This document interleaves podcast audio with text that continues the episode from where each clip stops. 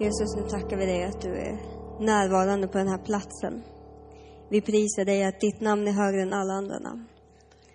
Jag tackar dig att de orden som går ut idag ska nå in i människors hjärtan på olika sätt, Jesus. Det ska vara vishet från ovan. Det ska vara uppmuntran och evighetshopp i en tid som är upp och ner, Fader.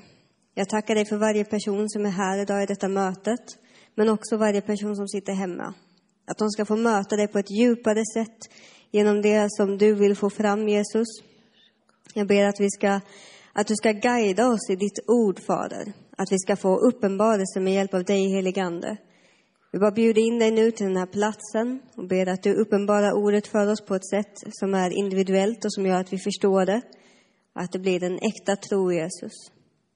Jag tackar dig också för att du är allsmäktig och att du är precis så stor som, som Oskar talade om och att det är du som har vunnit all seger, Jesus.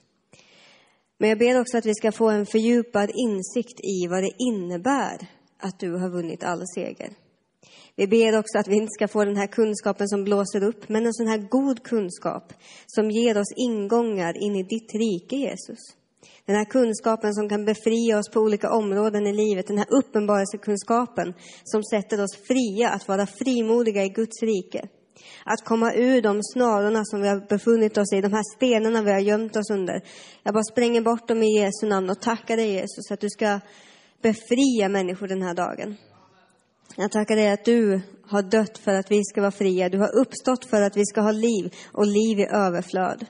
Och du tar inte tillbaka dina löften, snarare så förstärker du dina löften och försöker hela tiden uppenbara dina löften för oss, Jesus. Så jag tackar dig att vi ska kunna vidga våra hjärtan idag, öppna våra hjärtan idag för det du har gjort på korset. Och heligande, jag ber att vi ska vara ödmjuka och öppna för dig, för det du vill göra i våra liv. Och jag ber också att vi ska ha en stor förväntan på dig, Gud. Att om det finns bitterhet eller besvikelse, ledsamheter, så ber jag att vi ska kunna lägga dem åt sidan och istället förvänta oss det bästa ifrån dig som bara kommer med goda gåvor. Amen. Tack för en underbar lovsång. Jag harklar mig lite, men ni, ni, får klara av det. Jag har precis fått tillbaka rösten, det är fantastiskt. Ehm, det är jättekul att se er här. Det är alltid roligt att ha någon att tala till. Det är kul att se dig där hemma också. Jag vet att ni har skrivit att ni kollar, så jag säger ett extra hej till er. Jättekul att ni kollar ikväll. Mysigt. Ehm, jag, jag har skrivit tre predikningar som jag har lagt ihop till en predikan. Så ni får Mm, ni får följa med här, för att det här kommer bli riktigt bra. För att jag var tvungen att skriva en predikan här som jag, som jag fick när Oskar talade eh, om, om hur Gud är. Eh, och den behöver vi ju då eh, fördjupa oss i, tänker jag. Men först så tänker jag börja med det ordet som jag fick idag i bibelskolan. Vi hade bibelskolavslutning idag på Jesus helade upprättar. Den var jättefin. Och då fick vi, vi som har varit lärare eller ansvariga på olika sätt, ett, eh, ett bibelord och en liten present. Jag ser jätteglad ut på alla bilder över presenten och det är så att jag tycker om paket. Eh, för man vet aldrig vad man får. Men bibelordet som jag faktiskt hade tänkt predika idag och som jag verkligen behövde som uppmuntran, för jag har inte fått någon predikan från Gud förrän idag. Jag har gått i flera dagar och så här, Gud, du behöver mätta ditt folk. Säg vad jag ska säga. jag har inte fått, jag har inte hört ett ljud ifrån himlen. Det var så jobbigt alltså. Och då så, så fick jag ju det här ordet då. Från Sefania 3 och 17. Herren din Gud bor i dig, en hjälte som kan frälsa. Oh, underbart. Han gläder sig över dig med lust. Han tiger stilla i sin kärlek och han fröjdas över dig med jubel. Och när jag hörde det där, han tiger stilla i sin kärlek. Men Gud, jag vill inte att du ska tiga. Jag vill att du ska tala. Men kanske var det rätt sak att han teg. Att han, han fick mig till rätt plats.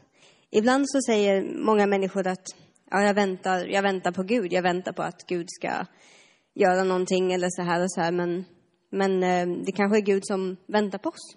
Väntar på att våra hjärtan ska öppna sig för rätt sak eller väntar på att vi ska komma, ja men öppna oss för det som han kommer med istället för att försöka bestämma över honom hur han ska komma med det.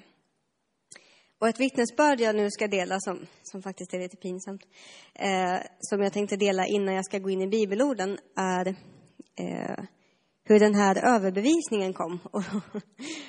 Och jag, jag, frågade Gud om jag kunde få hoppa över det här, men han sa att jag skulle säga det, så det är bara att lyda. Men det var så här att jag...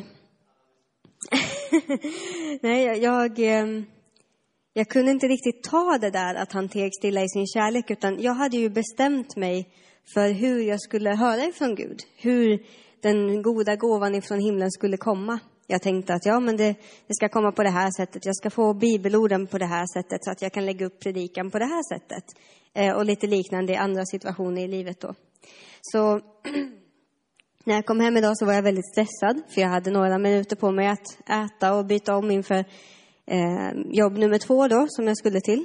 Eh, och då så, så var det lite att jag eh, Ja, jag stressade på där. Jag har varit lite stressad ett par veckor nu för att det har varit för mycket för mig. Men inte för mycket för Gud, tack och lov. Men jag har varit lite stressad, så jag har varit lite virrig kan man säga. Lagt mackorna i vass. Så när jag kom hem idag så försökte Oskar säga att Nej, men det kommer gå bra, du kommer få det. Jag bara, nej jag kommer inte få det. Eh, och sen så, det var, det är viktigt för mig att, att eh, det är Guds ord och att det är rent och att det kommer från himlen. Jag vill inte stå här och predika ifall det inte kommer från honom. Då vill jag hellre eh, sitta ner. Så då så tänkte jag, att jag ställer in mötet för jag tänker inte stå, inte, inte tala det som är från himlen helt enkelt. Men då sa jag i alla fall till Oskar, där är någon stressad punkt så här. Nej, nej, nej, nej, det viktigaste är inte att jag lugnar ner mig. Det viktigaste är vad jag ska ha på mig. Och där, där hände det någonting i mitt liv. För att jag, jag har aldrig i hela mitt liv tyckt att det är viktigt vad man har på sig. Inte när jag var barn, inte när jag var bebis, inte när jag var tonåring, inte, när jag, inte någonstans i livet har jag tyckt att det man har på sig är viktigt. Eh, jag har snarare arbetat emot det genom demonstrationer och kampanjer och sagt att eh, tjejer ska ha frihet och allt det här och ha på sig vad de vill eh, och allt det där. Men, så när det där kom ut ur min mun så, så sa jag såklart ingenting till Oskar, för han fick ju inte se att jag hade fel. Utan jag, jag, jag sa istället till Gud, jag bara, är det här jag har hamnat i livet? Att det viktigaste för mig just nu, fastän jag är stressad, mår dåligt, jag har ont i magen. Det viktigaste för mig just nu är vad jag har på mig. Nej, fy. Eh, så när jag satt i bilen där så höll jag en kaskad av så här, förlåt Jesus, förlåt Jesus, förlåt Jesus. Det viktigaste är inte vad jag har på mig, utan det finns eh, större värden i livet som är viktigare. Och den här predikan handlar egentligen om att leva i tro. Men jag la till att den handlar om att vi behöver ha rätt perspektiv på saker. Att vissa områden i livet eh, behöver ligga på rätt ställen i livet och ha den platsen som som de ska ha. Och de ska inte ha större eller mindre plats än så. Och där har vi mycket med, med tankarna och det Gud talar och, och Guds värden. Alltså att Guds värden får ha större plats än våra egna värden och tankar och eh, vardagsbekymmer och sådär. För jag möter många människor som är stressade över vardagsbekymmer och eh, inklusive jag själv då uppenbarligen. Så, så jag gick ju hem då efter det här och fick ju som säga till min make att oj ursäkta, jag var visst lite stressad innan sådär. Eh, men, eh, och med den här överbevisningen som kom i det här så kom ju också predikan och då kom ju också eh, en rätt sorts sund omvändelse där jag kunde säga till Gud att nej men jag vill ha dina vägar och inte mina vägar och jag vill inte bekymra mig eller stressa över saker som, som är på det här viset. Och eh, då, då läste jag ju i eh, Matteus evangeliet kan vi gå till. Jag har det här någonstans. Ja, Matteus evangeliet 6 och 25. Då står det ju så här. Därför säger jag er, bekymra er inte för ert liv. Ouch, vadå bekymra oss inte för vårt liv? Men då var det ju någon, någon som sa i söndags, det var pastor Gunnar, som sa hjälp inte till att skapa bekymmer. Ibland så är det som att vi vill, vi vill hjälpa mörkret lite, att skapa lite extra bekymmer i livet. Det behövs inte, de finns redan. Vad ni ska äta eller dricka, eller för er kropp, vad ni ska klä er med. Är inte livet mer än maten och kroppen mer än kläderna? Se på himlens fåglar. De sår inte, de skördar inte och samlar inte i lador och ändå för er himmelska fadern. Så livet är ju mer än kläderna och maten och, och allt det här. Eh, det betyder inte att vi inte ska äta, att vi inte ska klä på oss. Jag blir väldigt glad om, om de som kommer hit har kläder på sig. Eh, det är en fröjd för mina ögon. Men det ska inte vara det som stjäl vår uppmärksamhet från det som är djupare mer värt. Alltså, om, om du känner att du har börjat bekymra dig och börjat gå in i det här stresstänket i att oh, nej, men jag behöver ha goda vanor, jag behöver förändras hit och dit och jag behöver det här och jag ska sluta gråta så mycket och jag ska sluta skratta så mycket och jag ska sluta ha för mycket personlighet och jag behöver sätta mig ner, jag behöver vara tystare, jag behöver prata mer, jag behöver ha större glasögon, jag ska ha mindre glasögon, jag behöver vara snabbare än den andra personen, jag är väldigt bekymrad i relationer, jag har ingen pojkvän, jag har ingen flickvän, jag har ingen mamma, jag har ingen pappa, jag har inga barn, jag har ingen allt. Allt vad man kan bekymra sig för. Och det finns mycket. Alltså den här listan skulle jag kunna göra hela natten. Eh, och jag skulle ändå inte vara klar sen. Så det finns väldigt, väldigt mycket som, som vi kan bekymra oss för. Eh, och jag blir ofta ganska irriterad när min make säger lägg det i Guds hand. Så jag, jag säger, vadå lägg det i Guds hand? Men han har en väldigt bra poäng. Oj, nu får han höra det här. Eh, han har en bra poäng. Vi, be vi behöver lära oss att lägga saker i Guds hand. För det är där de hör hemma. Det, det är det enda som kommer att hjälpa, för det är bara han som kan leda oss igenom. Det gäller boende, det gäller pengar, det gäller allting. Det betyder inte att vi ska vara passiva. Utan tron är någonting praktiskt som vi lever i varje dag. Och att, att lägga bekymren i Guds hand är inte att bli passiv, utan det är att sluta bekymra sig och istället våga börja vara aktiv, fast på rätt sätt istället. Så jag kanske börjar gå ut och söka lite lägenheter fast utan den nedtyngande grova stressen som jag hade. Jag kanske hittade ett jobb men utan den fullskaliga ångesten över hur bra eller hur dålig lönen är. Alltså att man, man får ett annat värde helt enkelt. Eh, och det var det jag tänkte väldigt praktiskt här idag att eh, livet är ju, hur ska man säga det? Livet är ju en trosvandring i hela livet. Eh, och den är ju upp och ner och hit och dit och det kan vara på alla möjliga sätt. Så det jag säger eh, just nu är inte att det är lätt att, att lägga det hos Gud. Men det är möjligt för att han har öppnat vägen för oss.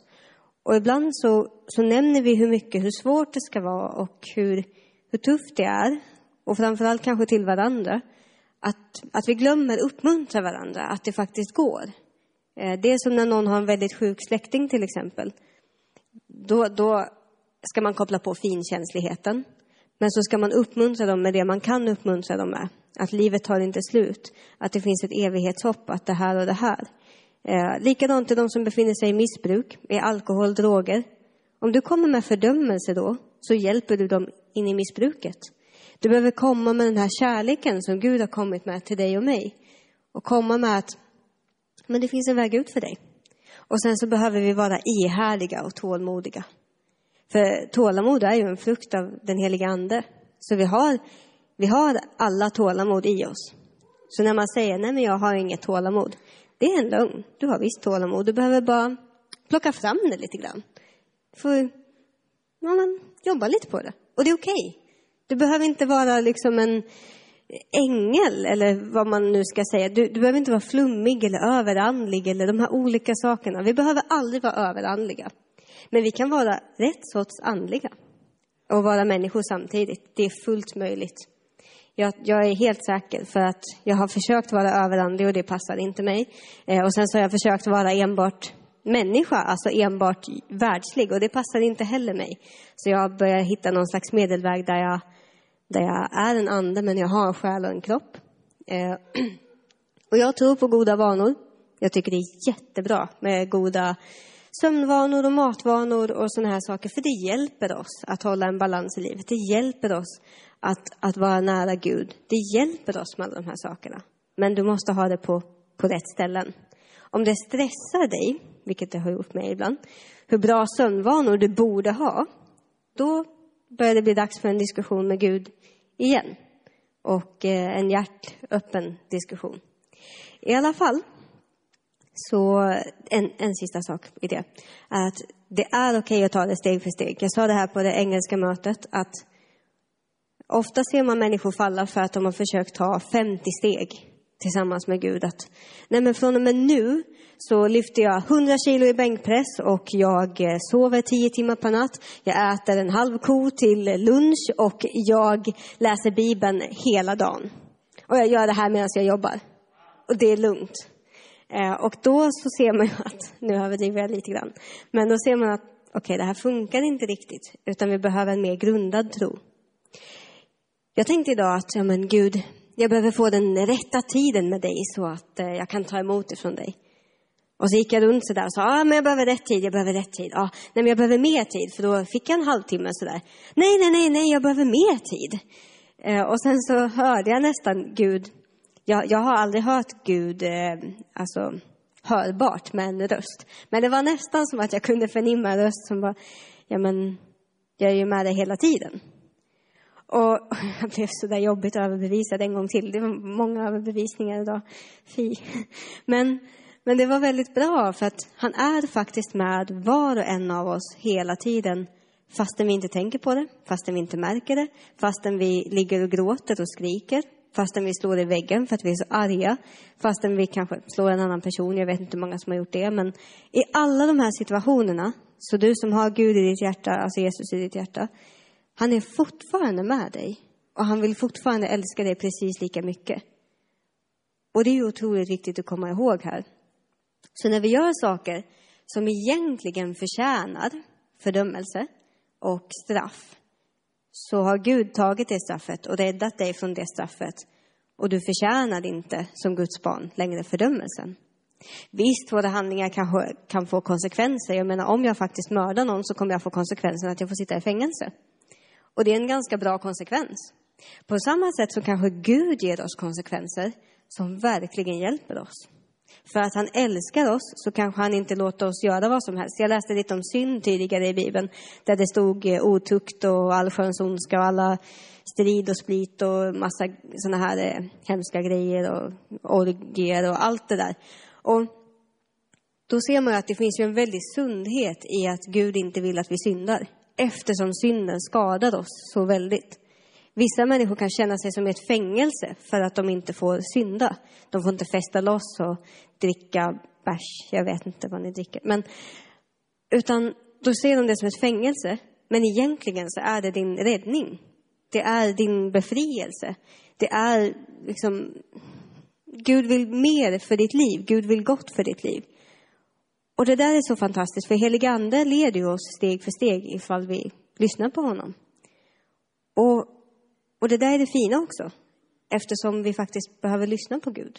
Vi behöver lyssna på den helige ande. Vi kan välja att, att strunta i honom. Vi kan välja att gå emot honom.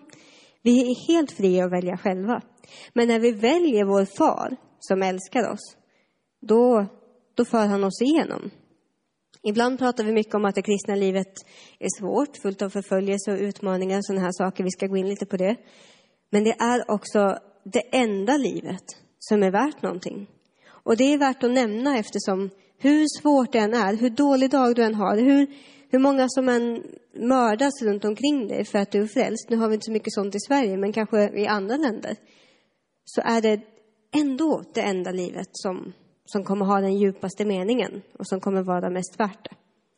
Så om vi går till eh, Kolosserbrevet 3 och 1 som jag har här någonstans.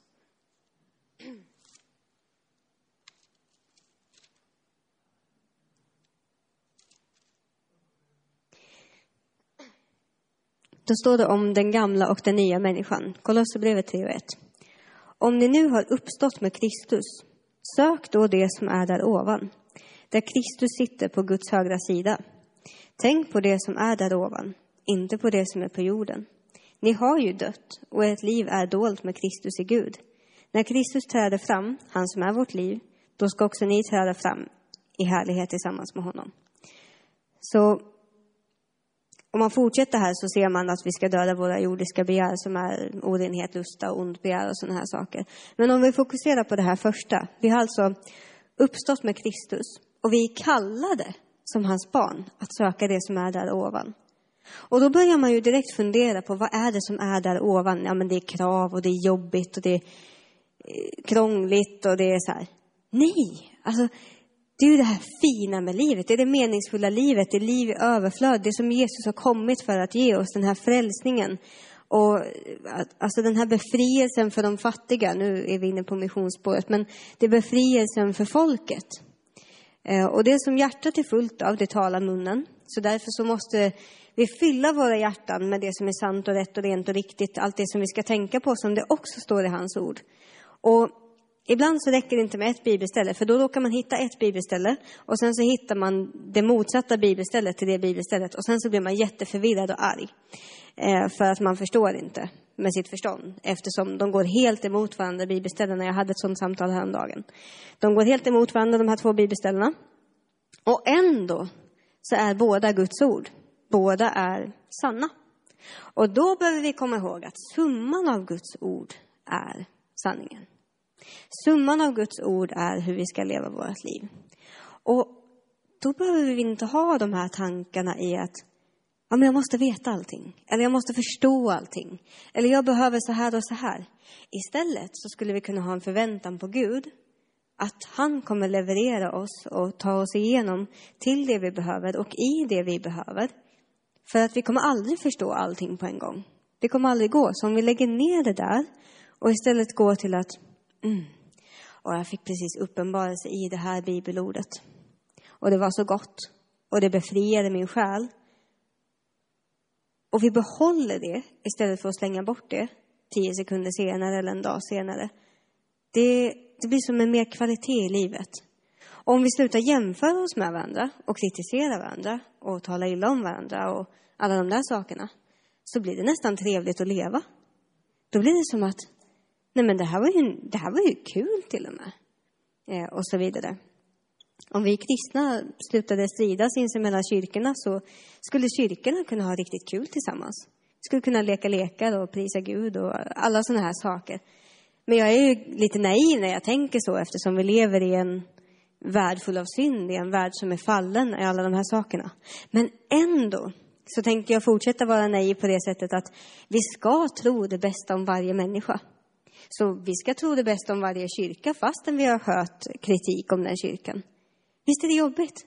Alltså vi behöver alltså tro gott om människor som har talat illa om oss. Det är jättejobbigt, men ändå sant.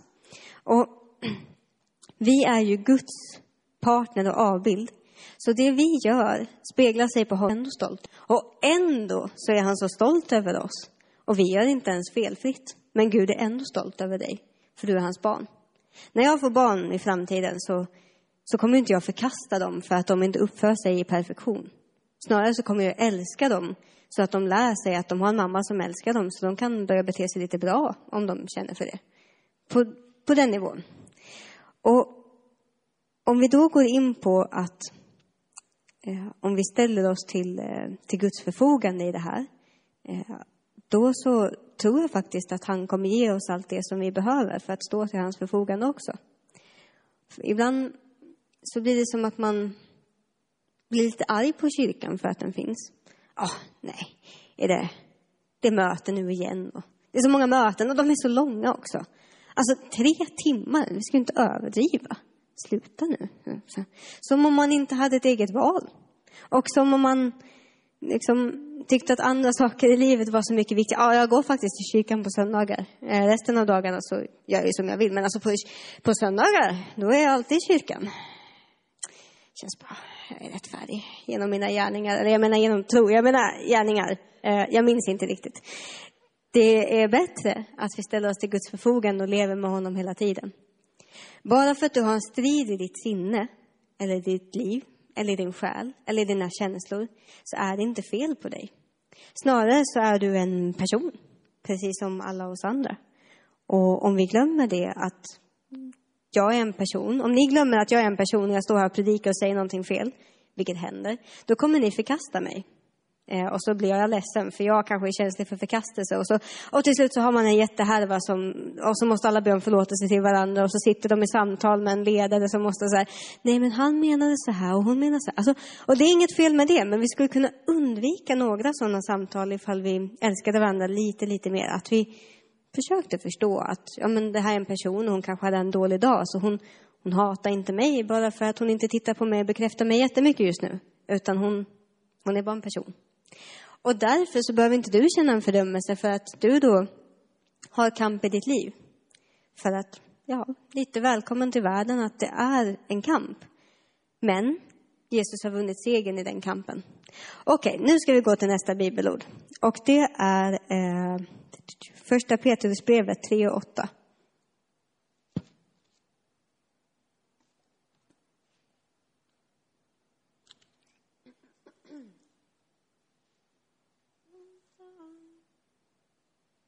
Nej, det kanske var... Jo, vi tar det först. 3 och 8, då står det så här. Att lida för Kristi skull. Det låter jobbigt redan när jag börjar läsa det. Till sist ska ni alla visa enighet, medkänsla, syskonkärlek, barmhärtighet och ödmjukhet. Låter väldigt bra, ändå svårare att göra. Det är lätt när man sitter här och bara tar emot direkt ifrån Gud. Svårare när man kommer ut i världen och folk börjar liksom vara som lite jobbiga och du möter folk på jobbet som har en annan åsikt än du och du tycker inte om deras åsikt. Men fortfarande så står det syskonkärlek, barmhärtighet och ödmjukhet. Löna inte ont med ont eller hån med hån. Och har ni någon gång känt för att snäsa tillbaka när någon snäser till er? Men det ska vi inte heller göra, för vi ska inte öna, löna ont med ont eller hån med hån. Tvärtom ska ni välsigna, för ni är kallade att ärva välsignelse. Var och en av oss är kallad att ärva välsignelse. Amen. För den som älskar livet och vill se goda dagar ska vakta sin tunga, jag tar det där Gud, från det som är ont och sina läppar från att tala svek. Han ska undvika det onda och göra det goda, söka friden och följa den. Det här är också en nyckel att vi, vi tackar inte bara ja till saker vi inte känner frid för. Vi säger inte bara nej till saker vi inte känner frid för, utan vi letar ändå efter friden. Men inte efter den felaktiga, ja, ah, det här är bekvämt friden, utan ifrån den friden som kommer från Gud. För det är två olika sorters frid. Eh, och det är värt att komma ihåg. Herrens ögon är vända till det rättfärdiga och hans öron till deras bön. Men Herrens ansikte är emot dem som gör det onda. Vem kan göra er något ont om ni brinner för det goda? Ja, även om ni skulle få lida för det som är rätt är ni saliga. Var inte rädda för dem och låt er inte skrämmas. Herren Kristus ska ni hålla helig i era hjärtan. Var ständigt beredda att svara var och en som ber er förklara det hopp ni har. Men gör det ödmjukt, med respekt och ett rent samvete så att det som talar illa om ett goda levnadssätt i Kristus får skämmas för sitt förtal. Det är bättre att lida för goda gärningar, om det skulle vara Guds vilja, än för onda gärningar. Det här bibelordet talar ju rakt in i allas våra liv på det sättet att, okej, okay, det är så här vi praktiskt faktiskt ska göra. Vi ska vara beredda att dela evangelium. Vi alla är ju kallade till att dela evangelium. Att dela det här evighetshoppet och att du kommer till himlen. För Gud vill inte att en enda människa ska förgås. Så okej. Okay. Och sen så läser vi att vi ska göra det ödmjukt med respekt och ett rent samvete. Så de som talar illa om dig, eller det som gör att du kanske mår dåligt i relationer, det kommer aldrig att segra över dig. Utan du har redan segern i Guds löften, i Gud. När du håller Jesus helig i ditt hjärta, vilket vi alla gör, som Guds barn, vi är rättfärdiggjorda i Jesus Kristus. Till och med när vi syndar så kan vi be om förlåtelse för vår synd och vi är fortfarande rättfärdiga hela tiden. Då så blir det ju så att vi formas efter honom som har skapat oss. Alltså att det är bättre att lida för goda gärningar om det skulle vara Guds vilja än onda gärningar. Det är ju för att det i grund och botten bara helt enkelt är bättre. Det är för att i grund och botten är det vi är skapta till. Vi kommer må, må dåligt på alla sätt om vi lider för dåliga gärningar. Det kommer finnas ett sätt som vi ständigt mår bra på ifall vi lider Guds goda gärningar. Och det sättet ska, det ska jag gå och läsa också. Eh, vi kan gå till Jakobs brev kapitel 1.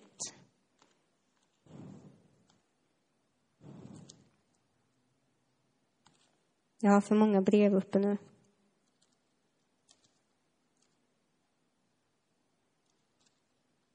Nej, vänta, vi kan ta den här faktiskt. Ja, ett nytt liv. Vi går till första Petrusbrevet 2.11. Mina älskade, jag uppmanar er som främlingar och gäster att hålla er borta från det kötsliga begär som för krig mot själen. Uppför er väl bland hedningarna, så att de som anklagar er för att vara onda ser era goda gärningar och prisar Gud den dag han besöker er. Så, jag tappade bort mig lite, men det jag skulle komma till lite grann var att när vi uppför oss väl, alltså när vi möter gott, gott med ont, nej vänta, jo precis, när vi möter ont med gott, då så blir det som att vi redan har vunnit segern oavsett vad som händer i den situationen. Och det är det fina här, att vi har ändå vunnit segern när vi beter oss gott mot de som gör ont. Så om vi pratar mindre om det praktiska och går lite mer på djupet nu så, så förstår jag att det här är verkligen en strid för, för människan. Och människan klarar inte det i sig själv, utan vi behöver den här hjälpen ifrån Gud. Att, ja, be till honom. En relation bygger ju på att vi spenderar tid med varandra och att vi ber, att vi, ja men relationen med Jesus då. Att, att be till honom är samma sak som att spendera tid med honom. Att vi får, vi får höra ifrån honom för att vi öppnar den här tiden, det här hjärtat för honom. Och också att vi visar honom att, att vi älskar honom. Och på samma sätt så är det ju som i övriga relationer att, att vi faktiskt värnar och vårdar om dem på ett sätt. För att vi kommer möta lidande på det sättet att vänner kanske blir sjuka, vi förlorar familjemedlemmar och olika sådana här saker. Och vi kommer också möta lidandet som kommer i de egna tankarna och de egna känslorna. Har ni känt förkastelse någon gång? Förkastelse är verkligen eh, en sån känsla, eller en demonisk attack, eller ja, allt ont kommer med förkastelse. Många gånger så är förkastelsen roten till väldigt mycket bråk och, och kiv och sådana här saker. Så Gud kan ju komma in och, och hela i förkastelsen, men inte om vi inte släpper in honom. Och jag, jag pratade i bibelskolan häromdagen om, om klövar. Alltså jag, jag tittar, jag ska ta det exemplet här också. Jag tittar på en man som, som klövverkar kors klövar då. Då spänner han upp kon och så tittar man på det här lilla, lilla såret som gör att den här 200 kilos kon haltar jättemycket så här. Och, och så helt plötsligt så börjar han gräva i klöven och så finns det en jättestor infektion om man gräver lite, där det väller ut blod och var och, och äckligheter. Och det, det, där har funnits där hela tiden, men man ser inte det. Och lite på samma sätt så kan det vara med oss människor, att Jesus behöver som komma in under ytan. Och det är inte alltid en smärtfri process, utan det kan snarare vara lite smärtfyllt. Fredrik har på sin härliga signal här. Men det kan snarare vara lite smärtfyllt att, eh, att han kommer in på det sättet och man får gå igenom det där. Och jag vet inte om någon har känt sig arg på Gud någon gång eller sådana här saker, men, men jag har nog gjort det. Men det är då man, man som tycker att Gud ska komma när han tiger så vill man egentligen att han ska tala. Och när han talar så vill man egentligen att han ska tiga. Alltså att man vill ha det så som man själv tycker är bäst för sig själv. Och egentligen så glömmer man det här ypperligt bra bibelordet att Guds tankar är högre än våra tankar. Alltså jag kan önska att man skulle komma ihåg det oftare för att det är ett väldigt avgörande bibelord på det sättet att det är som att vi ibland kan tro att våra tankar är högre, att våra åsikter om människor är högre, att våra vägval när vi väljer olika saker, att nej men jag tänkte så här och så här, att det blir högre. Men Guds tankar är egentligen högre. Men det innebär inte, som jag sa innan heller, att vi inte ska våga ta val. Utan Gud, han litar på och har gett oss förmågan att ta, ta egna val. Jag brukar ta det här med mjölken på ICA. Vi kan ta något annat. Du ska välja ost på ICA och du vet inte om du ska välja så här chiliost eller vanlig ost. Så du står och bara och så, och sen så ska du försöka be igenom och besegra fienden. Det är bara att det finns ingen fiende att besegra just i den situationen. Och, och, och det där kan verkligen hända i, i vårt vardagsliv också på det sättet att Man tror att det är demoniska attacker och attacker från Satan och attacker från människor. Jag är bara attackerad hela tiden. Jag är bara attackerad. och till slut så glömmer man att andas och inser att nej men det var bara jag som tänkte lite fel och det var lite förkastelse. Liksom. Och, och då är det så bra att vi kan be till Jesus och säga, ja men Jesus, tack att du hjälper mig att bli fri från förkastelse. Jag tackar dig Jesus att jag ska ta mig igenom den här dagen utan att snäsa åt någon. Den där, den där bönen har jag bett ganska många gånger. Och Jesus, jag tackar dig att du öppnar bibelordet för mig i två sekunder så att jag kan förstå hur jag ska ta mig igenom det här. Så det har jag också bett. Eh, och Gud har som svarat på den bönen också gett mig en frid i hjärtat när jag befunnit mig i svåra situationer. Och så vidare. Så att det finns olika sätt att göra det på. Det är väldigt individuellt, så känn dig fri att vara en individ. Jag säger ofta att människor är välkomna som de är. Och då menar jag inte som det som man identifierar sig om. Jag har pratat med några personer här nyligen och eh, ja, det finns ju typ 160 kön eller någonting nu på någon sån här lista som man ska liksom så här, gissa sitt kön, jag vet inte. Och det finns ju massa identifikationer du kan göra. Du kan liksom, nej men jag identifierar mig som en klocka idag. Nej, men idag är jag liksom en lama och en annan dag så är man en lampa. Det finns massa sådana här, vi är fria att identifiera oss själva nu för tiden i Sverige här. Liksom så här. Och ehm, ja, ni hör ju att vi behöver be för Sverige. Och, och jag har tänkt på det här att det hjälper inte att fördöma. Om du sitter där hemma och du identifierar dig med en ödla, så så fördömer inte jag dig, utan då berättar jag istället för dig att Gud har skapat dig till sin avbild. Den fullständigt allsmäktige, största, högste, en, enda guden som kommer med liv och som är sann, har skapat dig till sin avbild kallat dig att vara hans barn i sin största kärlek och kommer ta dig igenom hela ditt liv och sen så får du spendera evigheten tillsammans med honom. Alltså den guden har skapat dig och du är inte en ödla eller klocka utan du är en person. Du är Guds barn. Och du har dessutom makt och kraft och styrka och allt det här ingår i att vara Guds barn.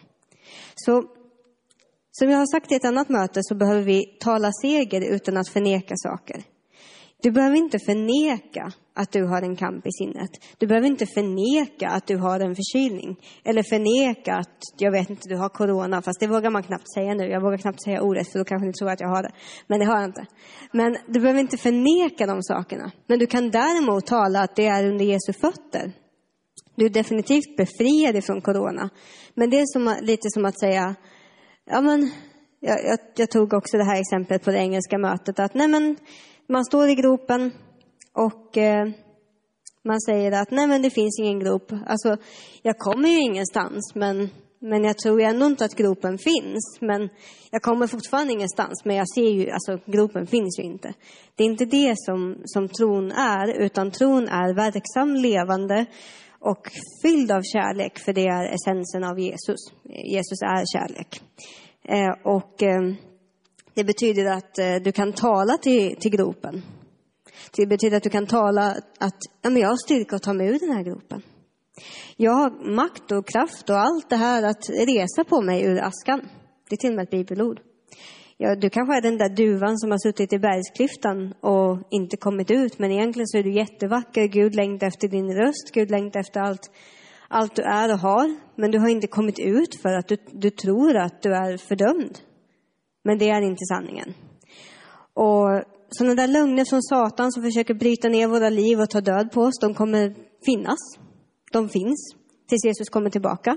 Och när han kommer tillbaka så finns de inte längre, för då lever vi det eviga livet och har det jättebra, ständig fest. Men vi kan faktiskt ha fest just nu också.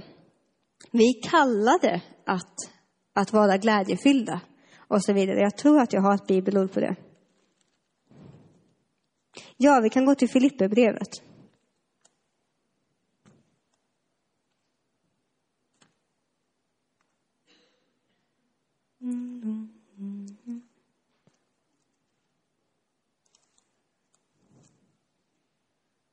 Då står det så här i Filipperbrevet 4 och 4. Gläd er alltid i Herren. Ännu en gång säger jag, gläd er. Låt alla människor se hur vänliga ni är. Herren är nära. Bekymra er inte för något, utan låt Gud få veta alla era önskningar genom bön och åkalla med tacksägelse. Då ska Guds frid, som övergår allt förstånd, bevara era hjärtan och era tankar i Kristus Jesus. Om vi stannar här lite vid eh, bekymra er inte för något, utan låt Gud få veta alla era önskningar, så är det inte bara att eh, att vi ska försöka, bil är sönder och jag måste gå till jobb. Nej, nej, nej, jag är inte bekymrad. Jag är inte bekymrad över att min katt är döende. Jag är inte bekymrad över att min bil är sönder och jag måste gå till jobbet i tio mil. Jag är inte bekymrad över allt det här. Det kommer gå jättebra. Alltså, det där är inte att lägga ner sina bekymmer. Utan att lägga ner sitt bekymmer är ju helt enkelt att man, hmm, Gud, eh, jag står i en ganska jobbig situation här, men eh, jag tror att du har vunnit seger över varje prövning. Jag vet att jag har seger i varje prövning och jag ska ta mig igenom din kraft, inte min, utan din styrka. Och jag vet att den flödar i mitt blod, för du har lagt ner det i mig. Du har lagt ner visheten från ovan som du ger fritt och för inte till varje människa som ber om den. Okej, så Gud, ge mig din vishet på hur jag ska ta mig igenom den här situationen. Och helt plötsligt så kommer en tanke, jag kanske kan be min kollega om skjuts idag. Jag kanske kan ta bussen, jag kanske kan cykla, jag vet inte. Du kanske, det finns jättemånga lösningar.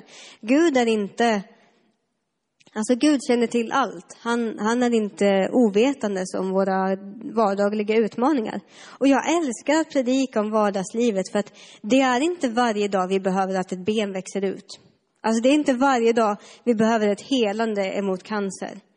Det, det ber vi att vi aldrig ska behöva. Men vi kommer möta situationer som är så svåra att vi verkligen måste stå i tro. Och då är det bra om vi faktiskt har tränat upp vår tro i förväg.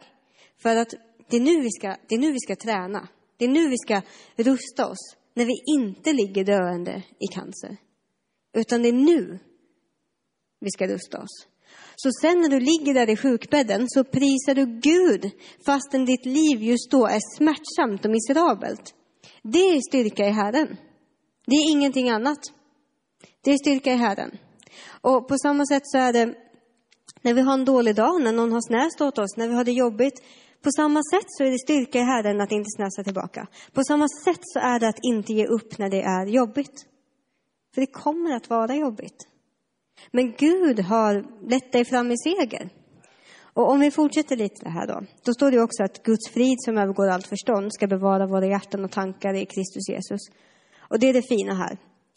Att fastän våra tankar kan vara så snurriga, fastän våra hjärtan kan göra så ont, alltså våra själar kan göra så ont att du vill ge upp. Du kanske är fast i det värsta missbruket av alkohol du någonsin befunnit dig i. Du kanske, du kanske precis blev våldtagen på gatan av någon.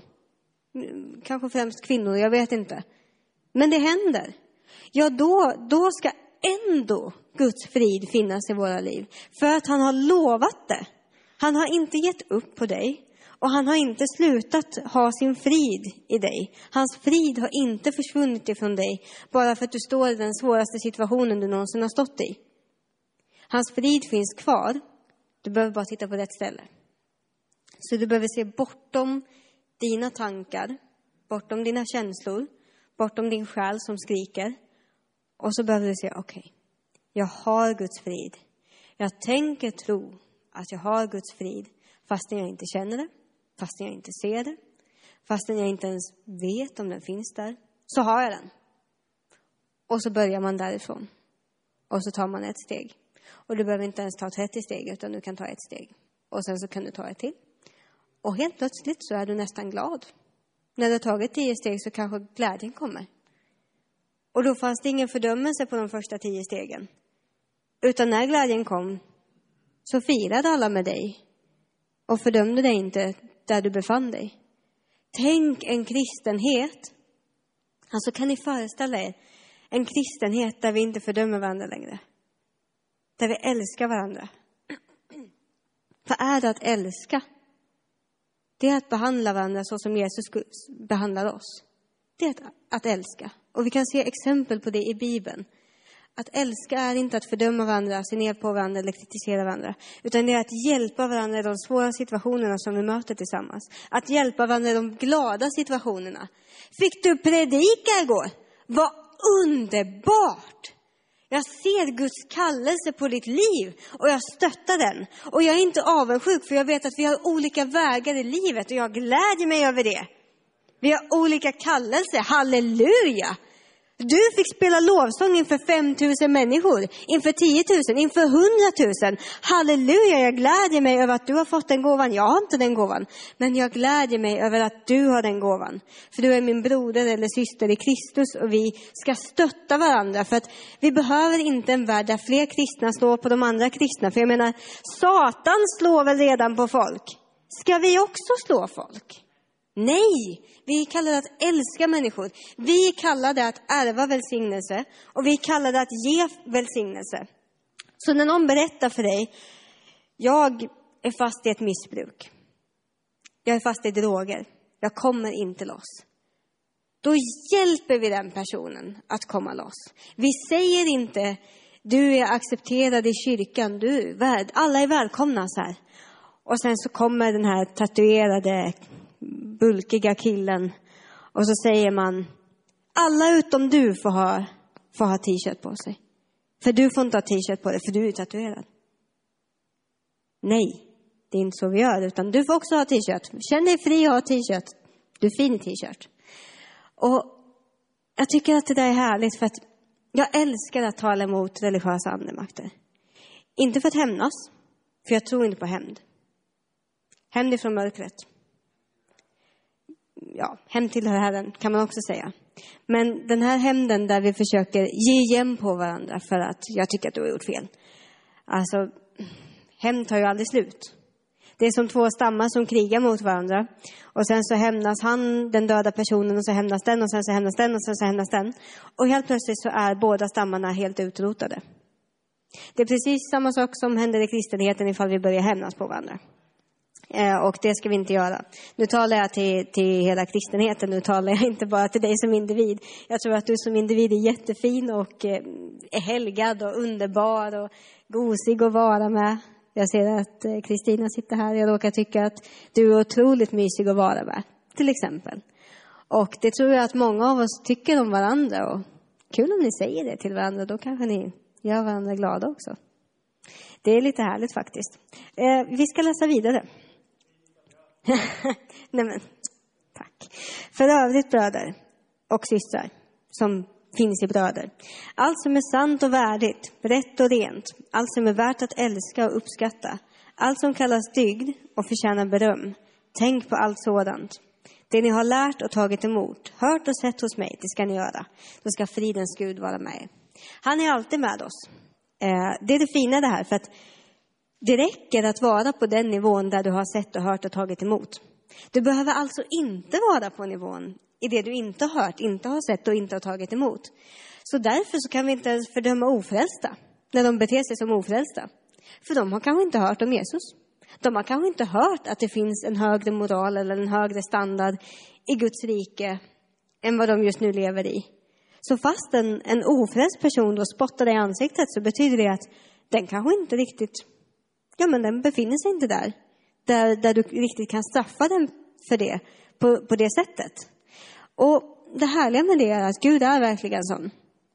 Alltså han straffar ju inte ens oss när vi gör de hemskaste av hemska av hemska saker. Utan då så, som talar han till våra hjärtan och överbevisar oss. Och den där överbevisningen vill jag ju också säga idag då, som, eftersom jag drabbades av den ett par gånger idag. Jag måste säga att den är verkligen utan fördömelse. Den är lite känslomässigt jobbig ibland.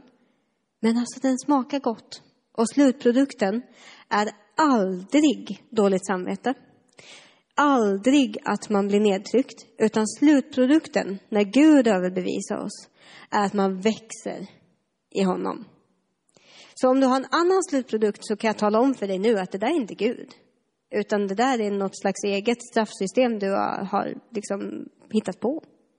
Eh, Gud gör att du växer. Han gör att du känner dig älskad. Han vet vilket håll du ska för att må bäst.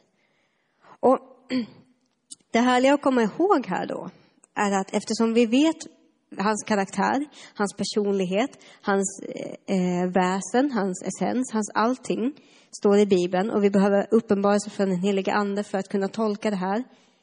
Då betyder det att vi kan lära känna honom som en person. Så fastän jag, jag inte känner honom här, fastän jag inte ser honom här, så, så kan jag lära känna honom. Och den poängen är viktig av den anledningen att det här får inte bara bli något flummigt. Utan tron är inte new age eller nej, när jag tillber den här stenen så, så händer någonting bra. Så kommer någonting bra hända i mitt liv och sen så händer något bra. Det var inte riktigt en profetia, det var inte riktigt en tillbedjan utan det var liksom någonting som vem som helst hade kunnat förutse. För någonting bra kommer ju uppenbarligen hända dig. Eh, något på det där spåret. Alltså, när vi tillber Gud så är det någonting helt annat. Då, då behöver vi komma till honom med rätt sorts förväntan. Alltså någon förväntan. Förväntan på att han ska ta oss igenom alla de här sakerna. Att han ska möta oss. Att han inte är en flummig typ uppe i det blå som man trodde när man var liten att han var en sån här skäggig man som såg ner på dig och fördömde dig. Utan han är faktiskt någonting mycket större och mycket mer än flum. Och det fina med det är att det kan vi se i Bibeln. För att han lär ut om praktisk tro, han lär ut om dans, han lär ut om saker vi kan ta på. Och jag gillar ju det här med praktisk tro för att jag vill ju, jag vill ju ta emot ordet och sen vill jag leva det. Alla som har sett den här eh, dramapjäsen i eh, julkonserten fick se eh, det fina i hur den här lilla pojken Oskar tog, du hette inte Oskar då, men, men nu är det Oskar.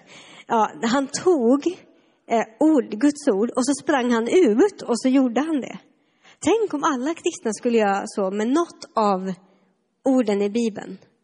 Så här, ja men idag ska jag, ska jag hjälpa en änka, idag ska jag hjälpa ett fattigt barn bli fadder. Eh, idag idag så, så ska jag le mot någon. Idag kan jag hjälpa någon med en matkasse.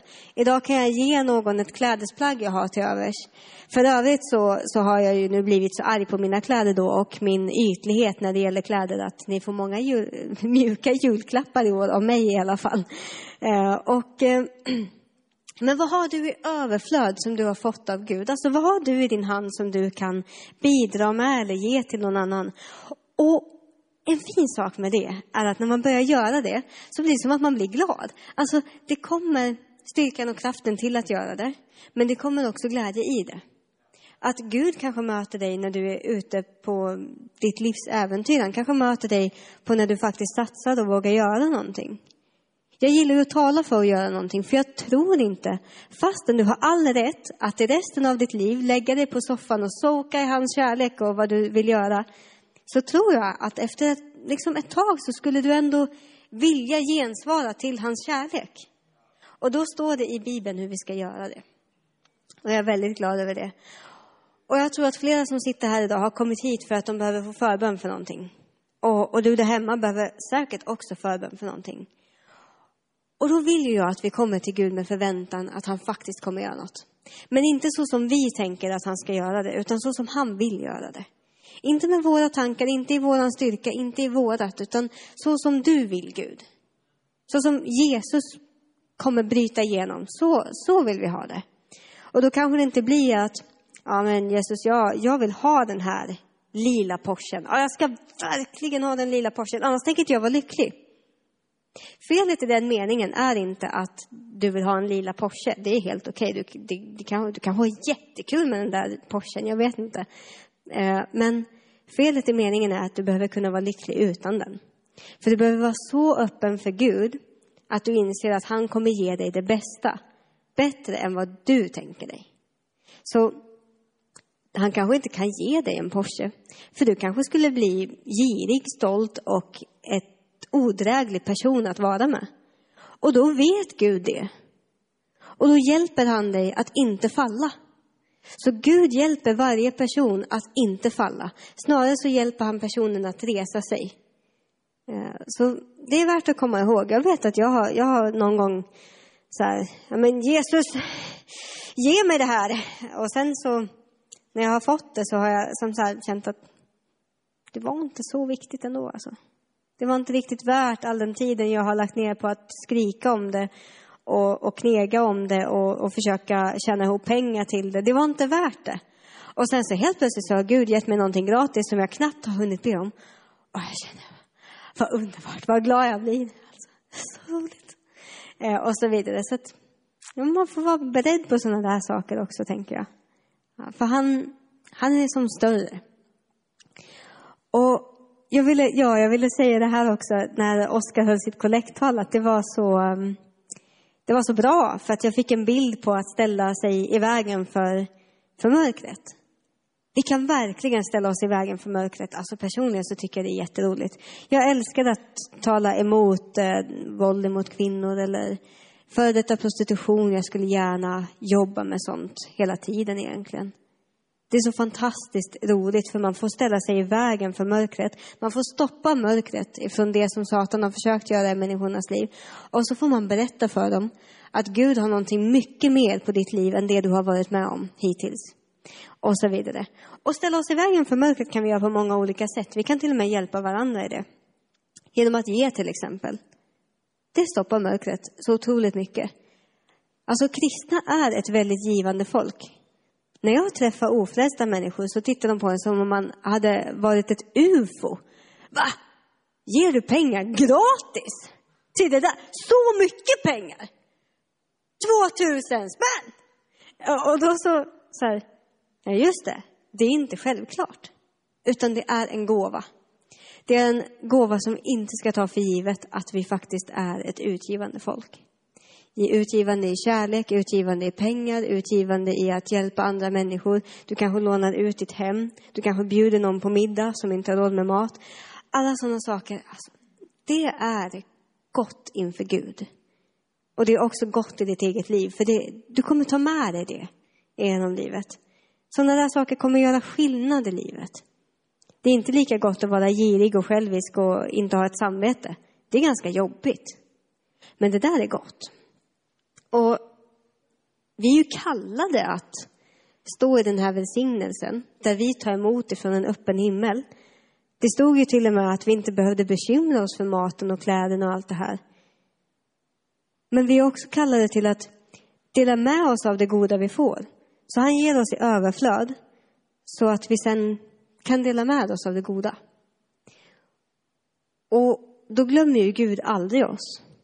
Så när vi ger, precis som Oskar sa, nu, det här är inte ett kollekttal, då så, så ställer vi oss också i vägen för det här mörkret som försöker ta över människors liv. Och jag tycker det är härligt alltså. Det, det är härligt att ta emot all kärlek och så här, men det är också härligt att ge mörkret en liten spark.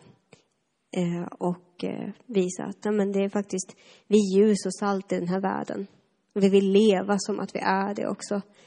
Så dina bekymmer, som kanske ser ut som berg, kanske egentligen inte är så stora. Uppenbarligen så var ju inte mina, mitt klädesbekymmer så där jättestort egentligen. Det var bara det att det tog över mina tankar, min tid och jag spenderade en kvart med att sitta och bara, vad ska jag på mig? Jag vet inte. Eh, och, och efter den där kvarten så var det nästan pinsamt att säga att en kvart hade gått åt till den där ångesten. Och, ja men, jag tror att vi kan komma igenom och komma till det när vi, kom, när vi möter ett bekymmer. Då. Som faktiskt är ett riktigt bekymmer. Typ att eh, vi slåss mot eh, en fullskalig attack av ångest. Det är ett bekymmer. Då, då kan vi möta det bekymret med Guds kärlek. Vi kan ta emot det från Gud. Vi kan ta emot ett ord som kanske bara gör att det försvinner direkt. Eller så är det en process där vi tillsammans med Gud vandrar med honom. Jag ber ofta att eh, ja, men Jesus sänd rätt människor till mig som kan tala. Tala med mig idag. Eller någonting, någonting, någonting så här. Att det, det är okej okay böner. Om du behöver en vän så är det okej. Okay. Vi alla behöver vänner. Och så vidare. Och Gud kan ge oss det. Det är, det är det som är det goda. Det var faktiskt allt jag tänkte dela. Så nu tänkte jag be. Och eh, alla som vill ha förbön får självklart komma fram på förbön och vi tar lite lovsång under tiden. Men först så vill jag be kollektivt. Så Jesus, vi tackar dig för alla de ord som har gått ut idag. Att det vi ska, det vi har tagit emot ska göra gott i våra liv. Jag prisar dig att det ska göra gott i våra själar, i våra känslor, våra tankar. Och jag ber att om någon behöver befrielse eller förlösning på det här området så tackar jag dig Jesus att du kan ge det. Att du uppenbarar för var och en av oss vad som, vad som faktiskt spelar roll. Kallelse som har brunnit ut och legat där, men som ska få resa sig igen. Liv som har stannat upp och lagts ner lite grann och blivit en, en plats av ångest och, och förvirring och jobbigheter. Då tackar jag dig Jesus att du är mäktig att komma in i den situationen just nu och göra ditt verk. Jag tackar dig att vi ska kunna slappna av inför dig Jesus. Vara dina barn så som du har kallat oss att vara. Och att saker och ting inte ska få komma in i vägen emellan oss och dig, Jesus. Inga felläror, falska profeter eller olika saker ska komma in emellan. Inte krig, fara, nöd, ångest eller svärd. Ingenting kan komma emellan oss och din kärlek. Så jag tackar dig för varje person som sitter där hemma just nu och de som ser mötet i efterhand. Att du ska bara få gå in i deras liv och göra ditt verk. Om det behövs goda vanor, det behövs helande, så tackar jag dig Jesus att du är mäktig att komma med ett helande till varje person. Jag ber nu för dig som behöver helande i tankar, kanske behöver helande i dina ord, det du säger. Då bara ber jag att Jesus ska komma in och utföra det här helandet så som bara han kan. Jag tackar dig Jesus att du är vår läkare, du är vår försörjare, du är den som kan befria oss. Så jag ber att du ska bli mer, mer verklig i våra liv. Den sanna karaktären som du har. Att ingen ska känna sig fördömd för hur hon eller han ser ut. För hur näsan, ögonen, kroppen, för hur den ser ut. Du har godkänt var och en av oss. Vi skapade din avbild, Jesus. Jag tackar dig att jämförelsen inte längre finns. Den behöver inte finnas, för vi har olika vägar tillsammans med dig, Jesus. Jag tackar dig att vi behöver inte ens vara bittra på dig, för du, du har gått för var och en av oss. Våra liv ser olika ut, men du kommer med gott för varje person. På det sättet som just den personen behöver det. Jag tackar dig att varje person som har kommit hit ikväll har kommit för att möta dig, Jesus. Och du gör aldrig någon besviken, utan du möter alla. Precis så som de behöver bli mötta, Jesus. Jag bara tackar dig att vi ska få en större tillit till dig. Jag ber helige Ande att du kommer med din uppenbarelse. Du uppenbarar vem sonen är, som Fadern har sänt. Vi är så glada att vi är ihopkopplade med dig igen. Att vi är dina barn, tack vare att du sänder din son. Vi vill lägga de här vardagsbekymren åt sidan och fokusera på dig. Den här stressen, utbrändheten, sömnsvårigheten, ilska och ångest och sorg. Jag bara tackar dig Jesus att du kan komma in i varje situation. Du har en lösning för var och en av de här sakerna. Sorgen kanske behöver få finnas ett tag till och med. Jag tackar dig att vi kan bli ilskna men att vi inte ska synda Jesus. Jag ber att du hjälper varje person som har ett eh, vackert temperament att, att inte synda med sitt temperament, att inte synda med sin vrede. Snarare att du utvecklar den personens gåvor att känslomässigt älska andra människor. Jag tackar dig helige Ande att du är med varje person i deras liv. Att de som sitter där hemma och ser det här programmet i sin soffa, i sin fåtölj, på sin matta, var de än befinner sig Jesus, så bor du dem också. Och om du inte har tagit emot Jesus så är det väldigt enkelt. Kära Herre Jesus, kom in i mitt hjärta. Fräls mig från mina synder. Jag vill vandra på dina vägar. I Jesu namn. Amen. Så enkelt är det att bli frälst. Och då blir du också rättfärdig. Så du som är här som inte känner dig rättfärdig på grund av hur snurrigt det har varit i ditt huvud. Så bara tackar jag dig Jesus att du kommer in i den personens liv och uppenbarar för honom eller henne att det där är inte sanningen. Sanningen är att du är rättfärdig, underbar att se på och en fantastisk byggsten i ett stort verk. Och jag tackar dig också Jesus att fastän vi är lemmar i en stor kropp, fastän vi, vi varje person är en lem, så är vi så unika och så formade av dig. Du är så god emot oss, Jesus. Jag ber att vi ska kunna se med tacksamhet på, på livet och på det som du har för var och en av oss. Att den här bitterheten ska få ge vika och att tacksamheten ska växa. De här goda frukterna från dig, heligande, ska få växa i våra liv. Vi ber speciellt för julen, den här situationen att åka hem till sina familjer, att inte åka hem till sina familjer. Ensamheten som, som kan vara för många människor. Så tackar dig Jesus att vi aldrig är ensamma. Jag ber att du sänder människor till de som känner sig fysiskt ensamma, att du sänder människor att komma in i deras väg och säga ett gott ord, ge dem en kram, berätta för dem hur värdefulla de är. Men också att du visar att du bor i oss. Att vi får spendera tid med dig den här julen och växa i vår tro, växa i dig. Så att vi kan stå emot varje utmaning som vi möter. Jag tackar dig att vi kan lita på den här processen. Att saker och ting behöver inte gå så snabbt eller på ett visst sätt bara för att jag har gjort det för någon annan. Utan att du är fri att röra dig så som du vill, Jesus. Jag tackar dig att vi när som helst kan kalla på den här visheten ifrån himlen. Att vi faktiskt står under en öppen himmel. Lär oss mer om vad det innebär att vara ett Guds barn. Om vad det faktiskt innebär att vara älskad, att leva i kärlek, att vara utgivande av kärlek.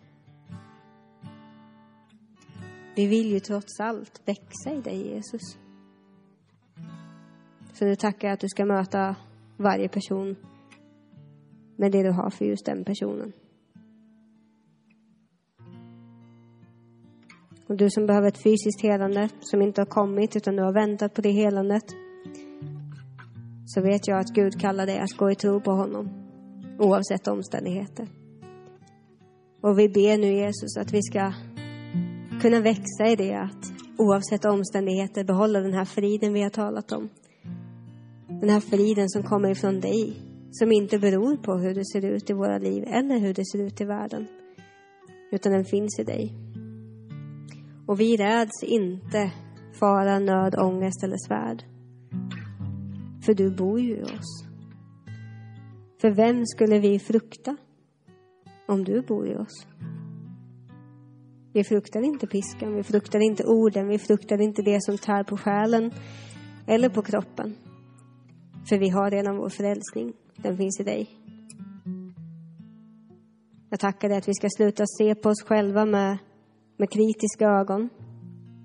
Att vi får dina ögon när vi ser på oss själva. Hjälp oss där Jesus att se, se på ett gott sätt. I Jesu namn. Amen. Ni är välkomna fram på förbön så ber jag och Oskar Kjellén för er.